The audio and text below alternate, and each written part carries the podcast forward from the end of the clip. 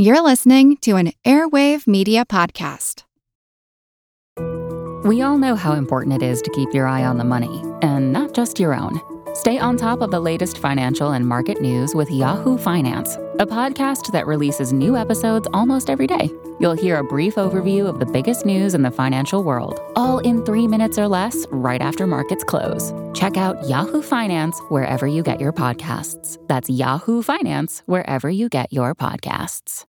This is Kick Ass News. I'm Ben Mathis.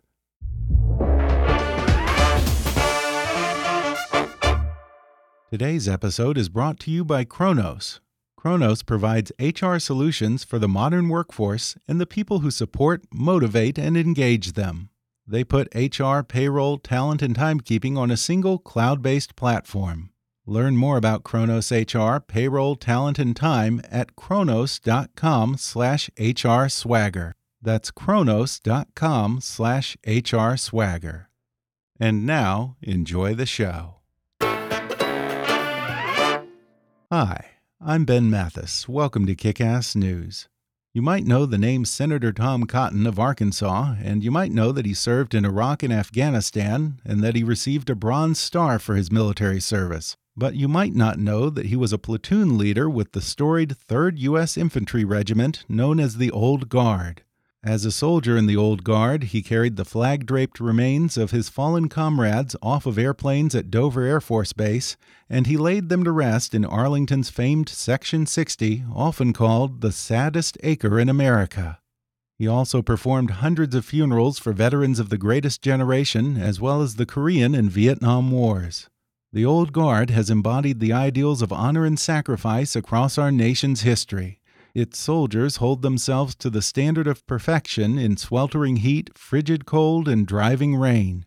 Every funeral is a no fail, zero defect mission, whether honoring a humble private or guarding Arlington's Tomb of the Unknown Soldier. Now, Senator Tom Cotton has written about this American institution in a new book titled Sacred Duty A Soldier's Tour at Arlington National Cemetery. And today he comes on the podcast to recall the storied history of this famous regiment that goes all the way back to the American Revolution and the rigorous training he underwent to become a member of this elite regiment. He describes what it's like to perform a military funeral in America's most hallowed cemetery and how the soldiers of the Old Guard managed to avoid getting choked up.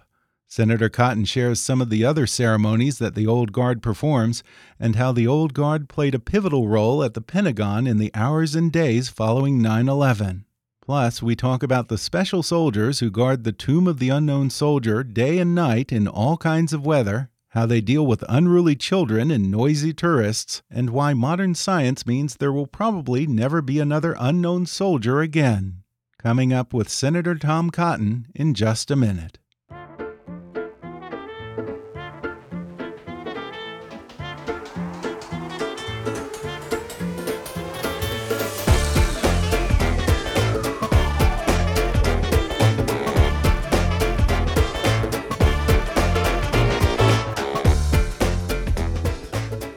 Guest today is Senator Tom Cotton of Arkansas. Prior to his election to the U.S. Senate, he was congressman for Arkansas's 4th District, served in Iraq with the 101st Airborne Division, and in Afghanistan with the Provincial Reconstruction Team, having received numerous awards for his service, including the Bronze Star. Between combat tours, he served with the United States Army's 3rd Infantry Regiment, known as the Old Guard, at Arlington National Cemetery.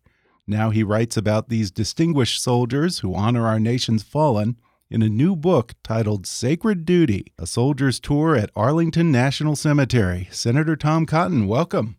Thanks for having me on, Ben, and thanks for your interest in sacred duty. Well, Senator, I, am glad to have you on the show. I certainly enjoyed the book. And you say in Sacred Duty that whenever you meet with your constituents from Arkansas, they don't necessarily ask about what it's like to be in the U.S. Senate or what the president's like. They always want to know about the old guard. What is it that they usually want to know? That's true, Ben. Uh, I, I, first saw this in my first campaign for the House as I was introducing myself to Arkansans all around the state.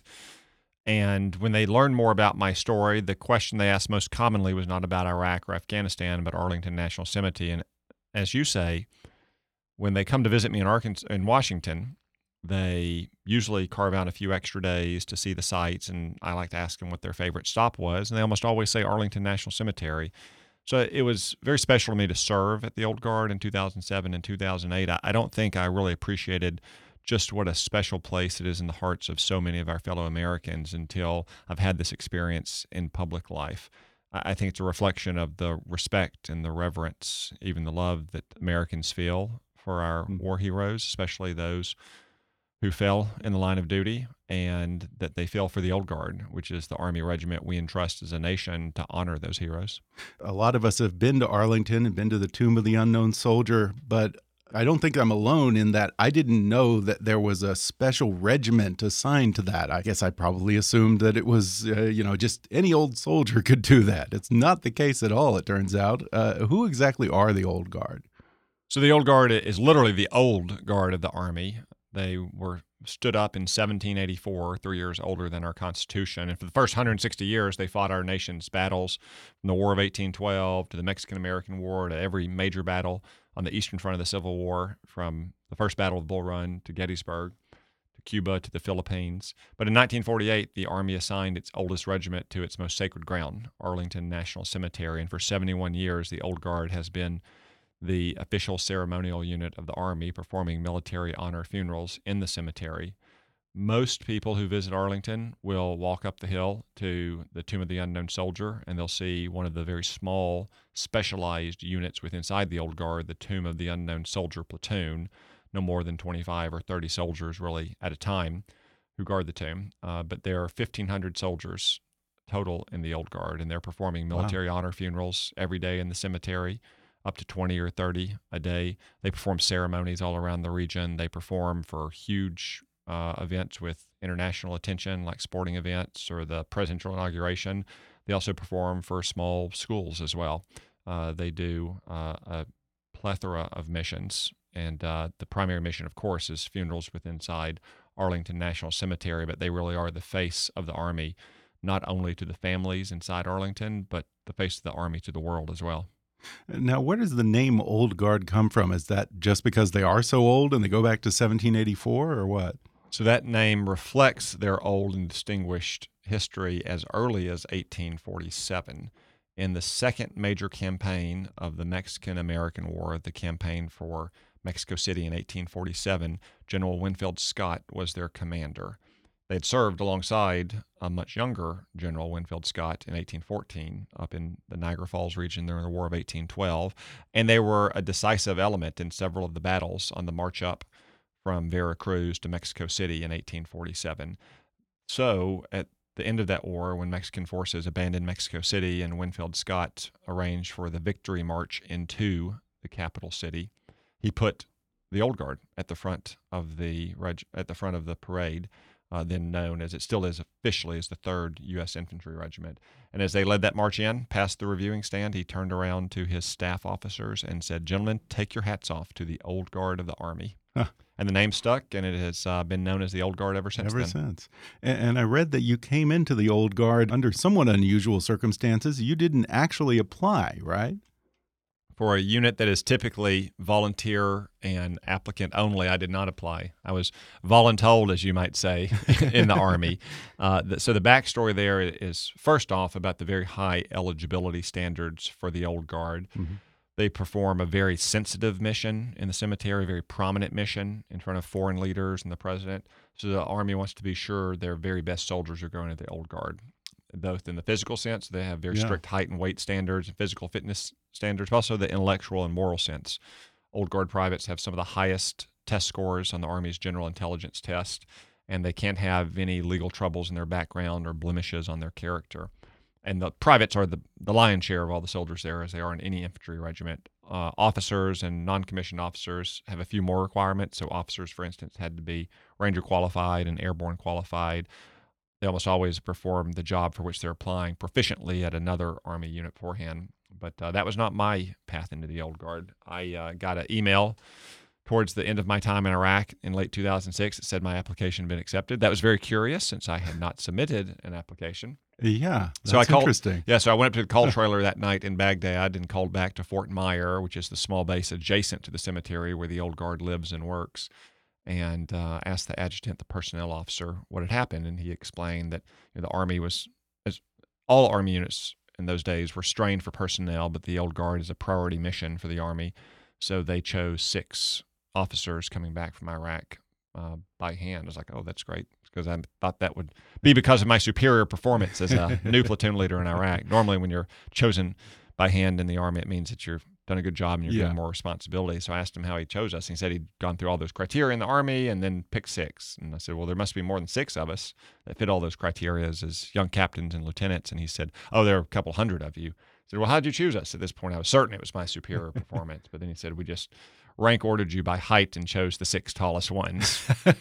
and uh, and sure enough, within a few months, by early 2007, there were six new lieutenants and captains, all recently returned from Iraq with the 101st Airborne. And one was six seven, and I'm six five, and the other four were six three.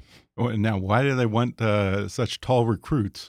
They want soldiers to present a strong Mhm. soldierly appearance in uniform. Uh, the uniforms are all very well tailored, tapered down to show off a strong V shaped taper of the torso that you expect a physically fit young infantryman to have.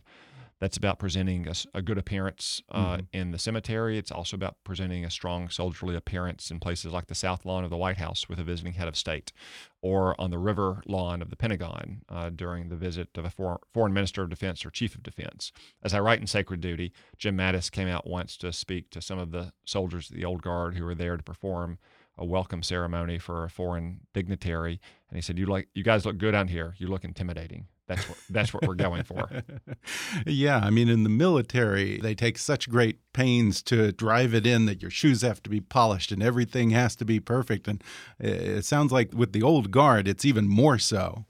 It is more so. You know, it can take two to three months to get a soldier trained to perform those missions. Mhm.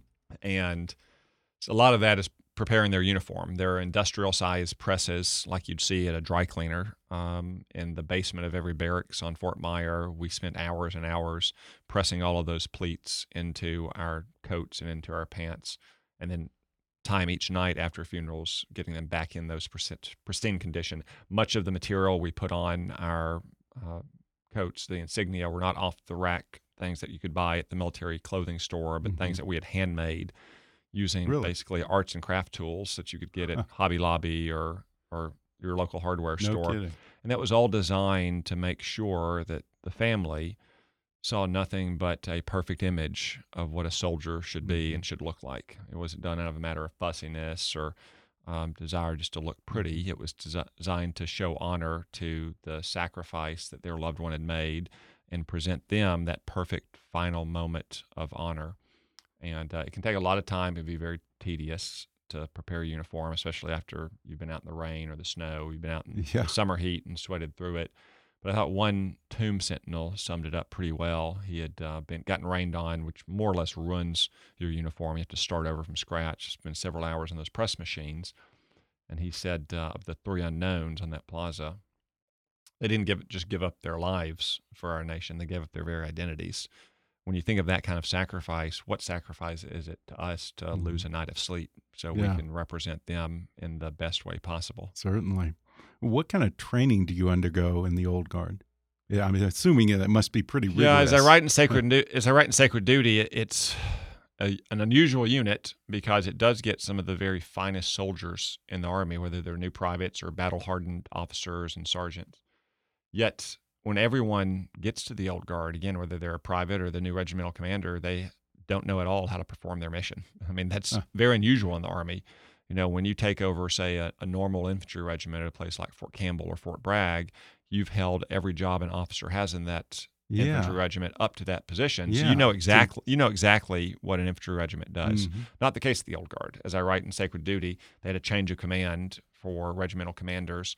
The new commander, Colonel Jim Tewitt, had never served in the old guard before. So he was at the old guard for two to three months, performing all of the administrative and other leadership responsibilities of a regimental commander, but not performing in ceremonies because he himself had to go through the training that I did as a young lieutenant or that new privates do as well. So it takes about two to three months to learn how to prepare your uniform, to march in the old guard style. If you're part of a small team for funerals, to do things like fold a flag in exactly one minute and 55 seconds, or if you're part of a firing party, to fire with six other soldiers and make seven rifles crack as one. Yeah. Um, that training Very can take two two to three out two to three months, and then there's constant refresher training and retraining, uh, practicing in the morning before funerals, after, at the end of the day, doing a refre- refresher training if there was just the slightest detail that was off. But again, that's all designed to ensure that the family, in a moment of grief, also has a space to grieve, and they're not distracted or they don't see any small mistake, no matter how small it might be yeah. the standard for every single funeral, no matter how big it is, no matter how distinguished or how humble the decedent is, is the standard of perfection. Now, what goes into an Arlington funeral? Walk us through that from start to finish. And it starts long before the mourners arrive, right? Yeah, for the old guard, it- starts well before that. There's all that practice and rehearsal that goes in. Uh, this companies today will typically spend um, two out of every four weeks performing funerals. One one of those weeks will be fully devoted, all of its personnel. Another week it'll be the backup company, Mhm. but it still has to provide a lot of personnel to the primary company. But when you're in the primary funeral week, um, it's a very long week. It's a very full week. You know, you show up uh, first thing in the morning, usually before sunlight. The leaders will go out in a van to recon the grave sites to ensure there's no surprises like a down tree, which Arlington has today because of storms last week, or a particularly difficult carry for the casket team up a hill or down a hill. So there's no surprises in the last minute at the uh, grave site. Um, then you go back, you spend the morning doing final touch up on your uniform. There's a final check in because all the teams are operating in a decentralized fashion. There may be three or four funerals going on at any given moment, and Oh, a lot yeah. of those a lot of those funerals are not going to have a senior leader in charge of them. They're going to have junior leaders, which is a reflects the, how much responsibility young soldiers have at the old guard. Uh, missions at, at other units might have a very senior non-commissioned officer or even a colonel overseeing them. At the old guard might have a corporal or a Mhm. sergeant. Um, then we break out and we get on buses. We go out to the funerals. You get out. You leave an hour before every funeral begins. You usually get to the gravesite at least 45 minutes before each funeral begins. Even though we may have performed these funerals hundreds of times, we do a talk-through rehearsal before each funeral and uh, an Arlington cemetery representative, which is really kind of the key link between the family and the cemetery and the old guard, comes up about 10 or 15 minutes prior to brief us on, you know, if there's an unusual casket that may be difficult to carry or an oddly shaped urn, what the family situation is like, how big they are, you know, if there's any tensions in the family. Then uh, we also link up with some of the adjacent units that supported the funerals in the cemetery, like the U.S. Army Band, the caisson platoon, which has the horses that pull the horse-drawn caisson, and then only then, at that point, you know, on the hour, does the funeral begin after all those Wow. preparations have gone into it. As you point out in the book, the old guard has to remain professional and stoic when they're performing a funeral. Yet, you know, for most of us, a funeral is already a pretty heartrending event. Plus, you're honoring a fallen hero, and you have the military band playing hymns and the 21 gun salute, and all of these poignant traditions that we associate with an Arlington funeral. Is it hard not to get emotional? Well, the Old Guard trains all of its soldiers from the earliest days to maintain what we call ceremonial composure, mm-hmm. precisely for that reason. Because when you see families mourning at the gravesite, especially if it's a young soldier who was killed in action just a few days earlier, who might have a widow or widower, young children who may not fully understand what's happening, parents who are dealing with the loss of a child. Of course, it's challenging to maintain one's composure, especially for those of us who had lost friends or soldiers in combat or who were just back from overseas as well. But uh, the old guard drills into its soldiers very early and they internalize that message so the drilling can stop over time that our, our role in the cemetery is not to grieve, Mhm. as grievous as the situation and circumstances may be. Our role is to honor. It's the family's part to grieve. And our job is to ensure that we pay honor to them and to their grieving process. So, even in the hardest moments, when as an officer in charge, you take that folded flag from the casket team and approach the next of kin and take a knee and say the condolences to those family members, um, it's the highest priority of an old guard soldier to maintain ceremonial composure. That's one reason, as I write in Sacred Duty, that we don't know that much about the deceased soldiers whom we're laying to rest. Yeah, that Which is unusual, as you interesting say. to Mo- keep a certain detachment, huh? Yeah, most people go to funerals, obviously, of people they know very well, family Right. members and good friends. So they already know them very well. Obviously, when we're performing 20 to 30 funerals a day from veterans all across America, Old Guard soldiers can't know them. And some of that is historical, you know the cemetery goes way back before the uh, internet, so possible to get obituaries uh, to Washington in those days with that degree of frequency and volume. Some of it's administrative. The cemetery has great professional staff, but they are they work very hard, very long days. To try to put together flawless obituaries would be a challenge for them. Uh, but part of it is purposeful for our role, Mm-hmm. um, because our role is to honor and not to grieve. Um, it creates a certain amount of distance between you and the and the family in advance. Now, we often would hear about the fallen soldier. Um, if you were the officer in charge, if you're on the casket team, you're only steps away from the family. The chaplain will step in, who has gotten to know the family and the soldier over the previous couple of weeks, and give the eulogy. So we'd hear their story. We'd hear their story if if they were killed in Iraq or Afghanistan just two weeks ago. We'd hear, the, hear their story if they were a private in World War II and jumped into Normandy and fought in the Battle of the Bulge, and then came home to Arkansas and lived a quiet, peaceful, happy life for 70 years. Um, but that was the only occasion in which we got to know much about the family. There were rare occasions in which family members, to express their gratitude, would run after us after the Oh, really? funeral, try to catch us before we got on the bus to go to our next funeral to thank us, tell us a little bit about their loved one. Wow. Um, but uh, to maintain that kind of emotional composure, uh, we didn't know much about the deceased soldiers whom we laid to rest, other than just the most basics. You know, their last name, their initial, first initial, their rank, their religious preference, who was going to be performing the service, if they had a religious preference, and what kind of honors it would be. We're going to take a quick break, and then I'll be back with more with Senator Tom Cotton when we come back in just a minute.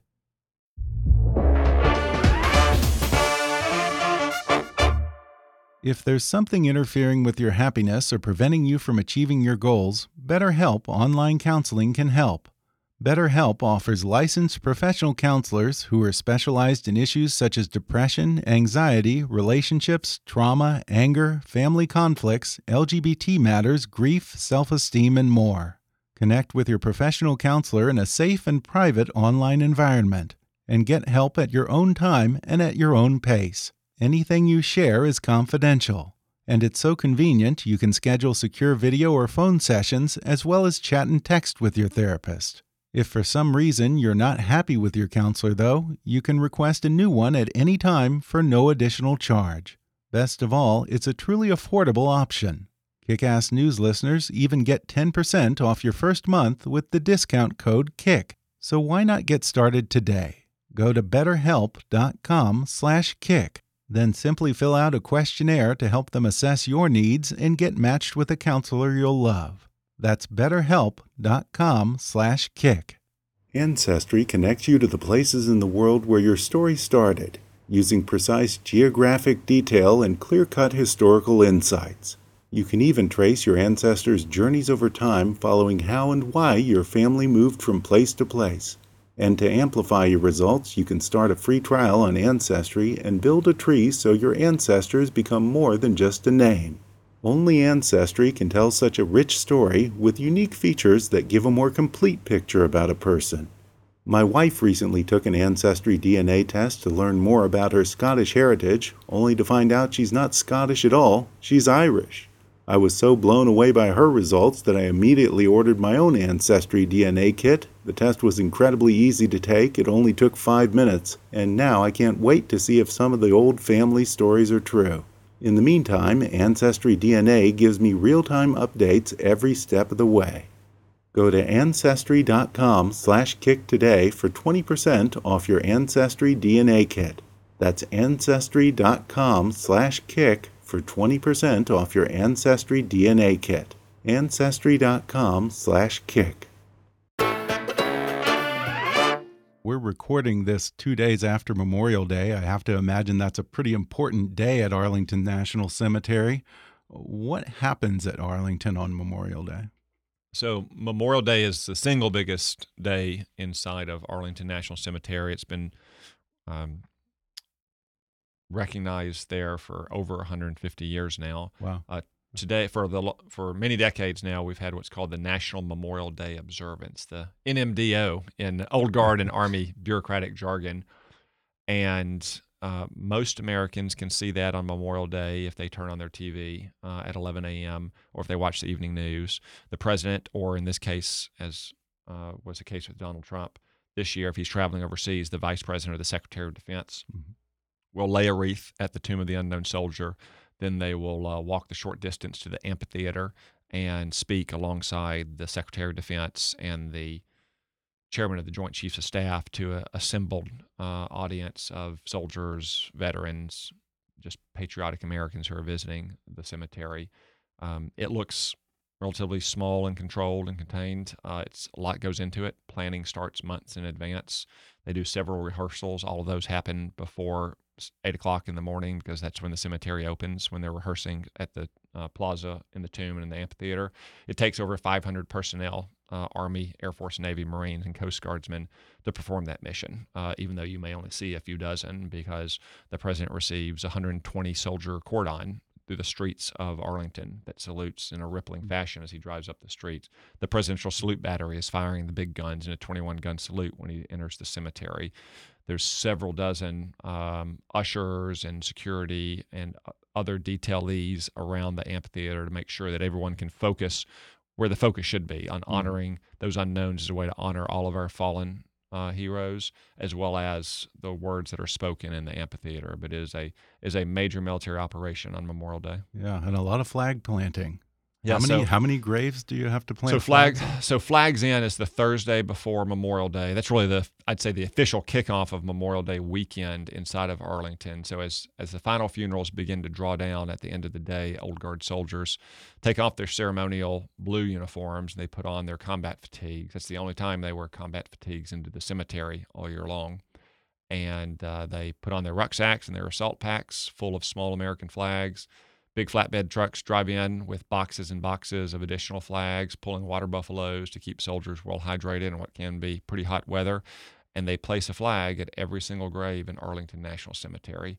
Uh, almost 245,000 flags. Wow. It takes uh, several hours to do, but it is, a, Yeah. like I said, a major military operation that's been planned for Yeah. weeks in advance with rehearsals, uh, using radio to coordinate movements. Uh, this past week, it was uh, just so happened that they got struck by a very uh, violent uh, thunderstorm. So uh, you may have seen on social media some of the images of Old Guard soldiers, to include the tomb guards placing flags in the driving rain. In fact, it got so bad that the soldiers had to uh, put the their various unit colors, which are on flagstaffs with metal spears at the top, and their uh, radios, which are obviously metal, down underneath trees, and go out and stand in the middle of sections in the cemetery that don't have any trees in them. So they Hmm. just stood there in the rain to avoid the lightning until the lightning passed and they could go Wow. back to their mission. But they never left. There was never any doubt that they'd stay in the cemetery as long as it took to Hmm. get those flags in for Memorial Day weekend, which is a reminder to everyone who visits, many family and friends included, that uh, your loved one had a moment in the last few days with a inheritor of his military legacy. Yeah, yeah, that's definitely dedication to the job. And in addition to their work at Arlington, the Old Guard is also charged with conducting what's called a dignified transfer, which brings to mind those flag draped caskets that we see coming into Dover Air Force Base. So the dignified transfer remains at Dover Air Force Base goes back many decades. It's gone under different names, but that's what it's known today and has been for a long time. Since 2003, the Old Guard has performed that mission for our fallen coming out of Iraq or Afghanistan or other theaters in the war on terrorism. As I write in Sacred Duty, I performed the dignified transfer of remains on probably two or three dozen occasions. Hmm. I would take a six man casket team and, and fly along with a general escort uh, officer uh, in a Black Hawk helicopter from Washington to Dover Air Force Base to perform that mission. And as the officer in charge, I was the first one into the cargo hold to inspect the flag draped cases and one of the soldiers to carry them off the plane initially. Uh, it's a very poignant moment, and you don't Yeah. you can't forget that image uh, when you reflect on one's service. We mentioned some of the other roles that the Old Guard plays in addition to the funerals and the dignified transfers. And in particular, the Old Guard actually played an essential role at the Pentagon immediately following 9 11. Can you tell us about that? Yeah, so put yourself uh, in Arlington National Cemetery on 9 11. It was a beautiful fall morning, uh, very blue skies, uh, temperate weather. Funerals began at 9 a.m. So 37 minutes later, American Airlines Flight 77 slammed into the western face of the Pentagon. As I write in Sacred Duty, some of the caisson soldiers whose role in the funeral ends after the first 10 or 15 minutes had hitched their horses to a hitching post and they saw an aircraft flying in, not along the normal north south route uh, that they, airplanes take in and out of Reagan National as they fly over Arlington National Cemetery, but flying from west to east, and they saw it Mm. slam into the Pentagon. So obviously, because that's a, the Pentagon's right across, it's right? maybe a, a football field across Yeah. from the southeast corner of Arlington, where most funerals today are being performed in the southeast Mm-hmm. corner. So obviously, every person in the in the cemetery, to include the old guard soldiers and the um, mourners at the funerals, heard that explosion. They saw the smoke rising up. Yet the funerals continued, and they continued at ten o'clock and eleven o'clock, and throughout the rest of the day, because funerals truly are a, a no fail and zero defect mission. But for all those old guard soldiers who were not performing funerals that day, they really became the first soldiers in our army to deploy to a new battlefront uh, in the war on terrorism. The medical platoon from the old guard went down there first to help provide first aid to all the walking wounded. Then the rest of the infantrymen uh, were deployed down to the Pentagon to help perform security, uh, both outside the building and inside the building. And then, sadly, over the next several days, uh, they took the lead in the recovery of remains and personal effects from inside the Pentagon. That was very difficult, very tough mission. You know, they had to wear biohazard Yeah. suits because of all the the toxins that could have been released, as well as the biohazards. Um, you know, not every day after September 11th was temperate. A lot of those days were very hot. Um, they were there for 30 days performing that mission. Wow. Um, funerals continued in the cemetery; they never stopped. But uh, it was a very, very tough mission, but also something that harkened back to their earlier days uh, as a fighting force that was out on the front lines of our nation's battles for our first 160 years. It's impossible to discuss Arlington without talking about the Tomb of the Unknown Soldier. How did the idea for the Tomb of the Unknowns come about? World War One was our first major overseas combat in which we had large numbers of soldiers killed in action. I mean, obviously, we had soldiers who died uh, in Mexico uh, during the Mexican American War, some in Cuba or in the Philippines, but nothing on the scale of World War II. Almost 118,000 Ameri- or World War One, almost 118,000 died. Yeah. Uh, that's why we have so many cemeteries there today. Um, most families wanted their loved ones brought home. The Army ultimately provided for that. That was a decision that was made by Congress, um, overruling the Army brass, by the way, who did not want to um, transfer all those uh, soldiers' remains back to the mainland. But war widows and war mothers thought differently, and not surprisingly, Congress sided with them, Yeah. not the Army generals. but there were still, whether they were in Europe or whether in the United States, uh, a question of unknown remains. Mm. Um, medical science had advanced somewhat. ID tags had been introduced at that point, but it's not to the degree that we have today uh, with DNA records and dental records and so forth. So uh, there was some debate about having a kind of memorial to an unknown soldier throughout most of 1919 and some of 1920. Uh, what, what really cemented it in public opinion and in Washington was on what was then known as Armistice Day, today known as Veterans Day, November 11th, 1920. Both the United Kingdom and Westminster Abbey and France, in, underneath the Arc de Triomphe, interred unknown soldiers from their forces. And hundreds of thousands of their countrymen turned out to mourn their loss and to celebrate uh, what they meant for that nation. And on March 4th, 1921, in one of his final acts in office, Woodrow Wilson signed the law that created the Tomb of the Unknown Soldier. And the unknown was selected in Europe in a very long and elaborate ceremony and then transported across the ocean into the Washington Navy Yard, where he laid in state in the nation's capital before being interred at Arlington uh, on Armis- again what was then Armistice Day, now Veterans Day, 1921.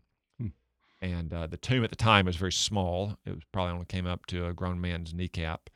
Um, but within about 10 years, what we now know as the Tomb of the Unknown Soldier had won, an architect had won a design competition, and the stones had been selected. And in the early 1930s, it was finished as it is today. How many different wars are represented in the Tomb of the Unknown? I think the best answer is four, even Okay. though there's only three unknowns, as I write in Sacred Duty. Right. The World War One unknown was interred in 1921. Shortly after World War II ended, a law Congress passed a law to provide for the interment of a World War II unknown. Um, but then the Korean War broke out, so Mhm. those plans were halted. And after the Korean War ended, there was uh, a new law passed that said we're going to have a double interment for World War II and for the Korean War. That happened in 1958. Um, and then in the early 1980s, uh, both Congress and veteran service organizations were um, advocating to the Reagan administration, which supported the idea of interring a Vietnam unknown. But as I mentioned earlier, medical science had advanced significantly. Uh, and the, by the Vietnam War, there were very few candidates for an unknown soldier. So the story of the Vietnam unknown, kind of like the story of that war itself, compared to those earlier wars, is longer and more complicated. Mm-hmm. There was a pilot that was shot down, um, and his remains were discovered about five or six months later. He was classified what's known as BTB, believed to be First Lieutenant Michael Blassie, through decisions of some of the forensic experts um, in both Southeast Asia and then Hawaii. He was later reclassified as unknown. And then ultimately, he was selected as the Vietnam unknown, and he was interred on Memorial Day, 1984, uh, by Ronald Reagan.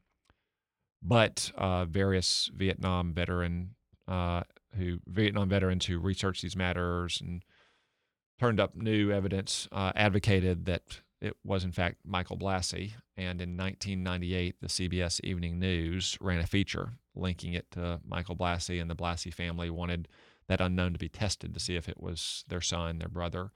And then Secretary of Defense William Cohen uh, made the decision to disinter the Vietnam unknown, which happened in May of 1998. And within a few weeks, it was in fact confirmed to be Michael Blassie. He now rests mm-hmm. in Jefferson Barracks National Cemetery, just outside St. Louis, where the Blassie family was originally from. The tomb platoon still keeps him close to their hearts. They have a, uh, a headstone rubbing of his headstone from Jefferson Barracks up in their uh, tomb quarters underneath the amphitheater. And that crypt has been resealed. And now, rather than simply saying the dates of the Vietnam War, which the other three crypts say simply the dates of those wars, it says uh, honoring keeping faith with America's missing service members, 1958 to 1975 one doesn't usually associate controversy with Arlington, but it, it, was a little bit of a controversy for a while, and I have to think it was a difficult situation for the Pentagon to navigate. I, am sure it was. Um, you know, mistakes um, happened in the classification of Lieutenant Blassie's remains. I understand why his family wanted him home, though. Um, and I think in the end, though, the the story of the Vietnam unknown is really the story of the respect and reverence mm-hmm. and the lengths to which we will go to identify and bring home all of our missing soldiers. Yeah. Um, and if you look at it in that regard, it really is kind of a love story. True. If you can look past the controversy. And it tells a good story to all those young soldiers who serve in Arlington today, all the soldiers who come visit Arlington uh, when they're on leave, or maybe those young boys and girls who are inspired at Arlington to to join the military later in life that no matter what happens, no matter where you may fall, no matter how long you may be missing, your nation is never going to forget you and will never give up the effort to bring you home and identify you and lay you to rest where your loved ones might want you to be we're now at a point where there may never be another soldier buried in the tomb of the unknowns, not because we'll never have another war, but because, as you mentioned, modern DNA testing all but ensures that we're going to be able to identify all the remains. Is that a bittersweet idea for the old guard to contemplate that the fallen from other wars in the future might not be represented in the tomb?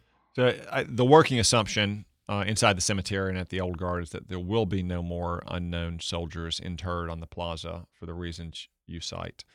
That uh, with the advent of ID tags, mm. DNA records, dental records, and just the way we fight wars today, it's unlikely that we would have a set of remains that are totally unknown or that can at least be narrowed down to a small enough set of candidates that one would feel comfortable interring um, a soldier as an unknown soldier. Um, I think it's not bittersweet. Some of the tomb guards agree with me on this because, again, it, it reflects the effort we put into a nation as a mm-hmm. nation into identifying all of those soldiers who fall on the battlefield and returning them home to their families, which again is an inspiration and a promise we make to today's warriors as well. I also think that's one reason why the Tomb of the Unknown Soldier has now become something more than representative of the unknown soldiers who died in three wars. There was a time, you know, in the immediate aftermath of World War One, for instance, where war widows and war mothers who never got their sons and husbands back from Europe could go to the tomb and and wonder if that unknown soldier was their own, if he was now resting huh. on American soil. Yeah. Even today, um, you still have honor flights that bring in World War II and Korean War veterans. Think about those you know ninety something uh, old warriors who may have lost a buddy in battle and never found out what happened to him. Mhm. They can look at that The, tomb, the symbolic value of it. and think that it Yeah. maybe that's maybe that's yeah. my battle buddy who fell in Yeah. World War II or Korea. Mm. That will eventually, though, pass away as all those veterans pass away, and the tomb becomes more than only symbolically representative of all those unknowns from those wars. I think it becomes representative Mm. of all of America's fallen heroes, from Lexington and Concord up to today. And the tomb, most tomb guards can tell you they've had experiences where young widows are seen on the plaza, and they're obviously widows. The tomb guards will say because of their dress, they're wearing black formal attire, oftentimes black veiled, looking at the changing of the guard, watching the tomb guards guard the tomb, sobbing at what they see. These are young women in their 20s or 30s. They obviously, you know, were not around during the Vietnam War, much less those earlier wars, but they came to that tomb as a place to mourn the loss of their mm-hmm. husband in Iraq or Afghanistan or some other theater of the war on terrorism. I think that really reflects how the tomb has become a national place of mourning for all those who have laid down their life in defense of our nation. And it never goes unguarded, right? No matter what time of night or what weather, there's always been someone there. Midnight, July 2nd, 1937, the tomb has been guarded every moment of every day since then. Wow. The old guard has been doing it since April 6, 1948. Wow. Now, DC weather can be pretty brutal. It rains, it snows, and gosh, it sure is hot and humid in the summers in DC. Uh, how do the sentinels of the tomb maintain their crisp appearance? A lot of work, for one. Um, so they'll divide the duty day. Mhm. Uh, I should say the hour, the duty day during the hours of operation in the cemetery uh, in the summer months is open from 8 a.m. to 7 p.m. So it's 11 hours. So any one, there's three squads. They call them reliefs. There's three reliefs. Um, a relief may have during lean times six to seven qualified guards. During great times, 10 or 11 qualified guards, and they'll work you know three or four hour shifts in that. So they'll don their uniform and keep it on, so they don't get in and out of it. The summer months, uh, the shifts are only 30 minutes long because of the heat and humidity. So as I saw dozens and dozens of times, tomb guards will come back in from a shift and they'll get some water, get some Gatorade. Other soldiers who are not on duty will help square their uniform away.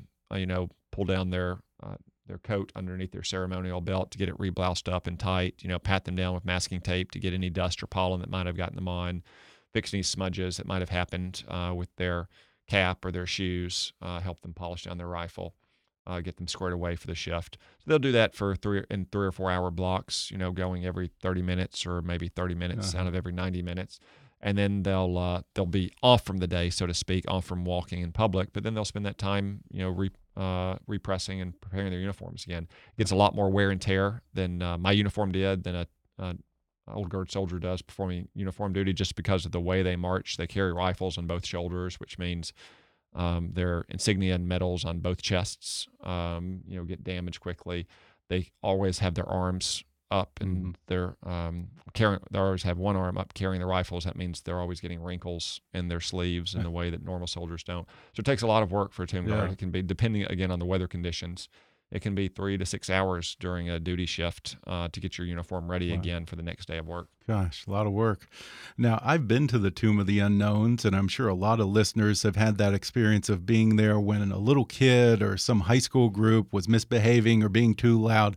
And man, those guards, they strike the fear of God into them and they shut up real quick. Uh, can you talk about the various ways that they handle those situations? Yeah. So uh, the tomb guards are real guards, and that is an actual guard post in the army. It's not ceremonial. It's not for appearances. It is an actual guard post. And in the evening, when the cemetery closes, uh, it becomes a restricted military installation, as they say, at 7 p.m. during the final changing um, of the guard, or 5 p.m. in the winter months. That's why everyone's escorted out because you have eight or ten soldiers who are outside the perimeter of the military base, Fort Myer, um, and that's why you know you have you know locks on all the doors underneath and password and challenge, um, all signs that it is an actual guard post. They take seriously about guarding, and um, not many people see those moments that you described on the Plaza Bend because it happens pretty rarely. You know, there's signs that say silence and respect at the tomb. Mhm. Even if they didn't have those signs up, I think most visitors would understand that intuitively. But uh, on occasion, and in particular with young people and old people, um, there are moments in which the the silence and respect respectful atmosphere at the tomb is disruptive. Um, the most common example, as you say, is a crying child or a wayward toddler. Um, another example I learned from the tomb guards are oftentimes elderly veterans um, who have hearing aids and don't realize that they're speaking louder Oh, than yeah. they, actually are. But uh, um, but it can also be Yeah. you know an an adult who dropped a water bottle or umbrella onto the plaza Mhm. and is leaning over the chains to pick it up. Sometimes, unfortunately, you can have an unruly teenager or 2 as Mhm. teenagers sometimes can be. The tomb guards will step off the mat and they'll brandish their weapon in front of them and give directions to the person who is disrupting the respectful atmosphere of the plaza. Now, this is a Wow. good example of how Huh. those to- those tomb guards are not robots; they're not automatons. They are given vast discretion uh, in a very public setting, even though many of them are under the age of 21 and very junior in the military, to um, respond accordingly. So, oh, for interesting. instance, Huh. in those two settings I described, a young child um, who's crying or uh, an elderly veteran who doesn't realize that he's speaking louder than he can hear. Um, or another example that Tomb Guard gave me, a special needs child um, who wasn't able to control some verbal outburst. Uh, they said that rather than, than step off the mat and publicly say something to them that might be embarrassing to someone who doesn't mean any ill and is Mhm. not being disrespectful, they might walk over to what's called the box, which is a small canvas hut just north of the tomb that has a direct hotline down to the quarters, and just Right. call down and, and say, there's you know a baby who's crying out here or, or there's a special needs child or there's an elderly veteran and one of the tomb guards who's not on duty but is in civilian attire um, wearing a polo shirt that says tomb of the unknown soldier will come out and try to explain quietly uh, what the situation is. If it's a adult who's just dropped an umbrella or a coke bottle and is leaning over the rails to get it or an unruly teenager no they will step off the mat Yeah. and in a very authoritative voice tell them that uh, an atmosphere of silence and respect is necessary at all times Are there ever situations where a warning doesn't cut it? Do they ever have to escort are someone out? it's so sh- it's so shocking to everyone again because m- most people will never see it. You can go on YouTube and see Right. it. I mean, judge, judging by the number of YouTube videos are people are fascinated by this. Yeah, it's true. But most people will never see it. So it's so shocking if you're just sitting there and you see that soldier walking back and forth, back and forth, back and forth. All of a sudden, he steps off and brandishes his weapons and begins in a in a very loud command voice Yeah. directing them to ma- someone to maintain an atmosphere of silence and respect. It very quickly stops the problem. Yeah, I'll bet. well, before we go, there's a good chance that this book, Sacred Duty, will inspire some Americans to visit Arlington next time they're in Washington. What would you want them to think about as they stroll those hallowed grounds? I would encourage them to to think about all of those Americans who lay in that sacred ground, uh, who gave their life, and it does go back to the Revolutionary War now. Um, before you know, this became a national cemetery in 1864, but soldiers from all the pre- nation's previous wars have been disinterred at various points in our history and reinterred there. Um, and uh, think about the sacrifice they made and what Arlington means to us as a nation. Uh, that this nation is worth the fighting for. And if it wasn't for the soldiers, the sailors, the airmen, the Marines, the Coast Guardmen who rest peacefully in Arlington as symbolic of all of our national cemeteries around the country and overseas, we wouldn't be able to live in, in safety and in freedom Yeah. um, and uh, honor their sacrifice. I would encourage all your visitors to make a pilgrimage to Arlington at some point. Yeah. Well, again, the book is called Sacred Duty A Soldier's Tour at Arlington National Cemetery. Senator Tom Cotton, thank you for your service and thanks for talking with me. Thank you so much. Thanks again to Senator Tom Cotton for coming on the podcast. Order his book, Sacred Duty A Soldier's Tour at Arlington National Cemetery on Amazon, Audible, or wherever books are sold. And follow him on Twitter at, at SenTomCotton. Ancestry DNA gives you so much more than just the places you're from. They've combined DNA results with over 100 million family trees and billions of records to give you more insight into your genealogy and origins. You can even trace your ancestors' journeys over time following how and why your family moved from place to place. Go to ancestry.com/kick today for 20% off your Ancestry DNA kit. That's ancestry.com/kick for 20% off your Ancestry DNA kit. ancestry.com/kick. Whatever struggles you're facing, from depression and anxiety to trauma and grief, BetterHelp can connect you with a professional counselor in a safe and private online environment. It's so convenient you can schedule secure video or phone sessions, as well as chat and text with your therapist. And anything you share is completely confidential. Best of all, it's a truly affordable option. Kickass News listeners even get 10% off your first month with the discount code KICK. So why not get started? Simply go to betterhelp.com/kick and fill out a questionnaire to get matched with a counselor you'll love today. Again, that's betterhelp.com/kick. Be sure to subscribe to Kickass News on Apple Podcasts if you haven't already, and if you like what you're hearing, then rate and review us while you're there. Five star reviews are the easiest way for new listeners to find us. Don't forget to like us on Facebook and follow us on Twitter at, at KickassNewsPod. And feel free to email me with your thoughts, questions, and suggestions at comments at kickassnews.com. Until next time, I'm Ben Mathis, and thanks for listening to Kickass News.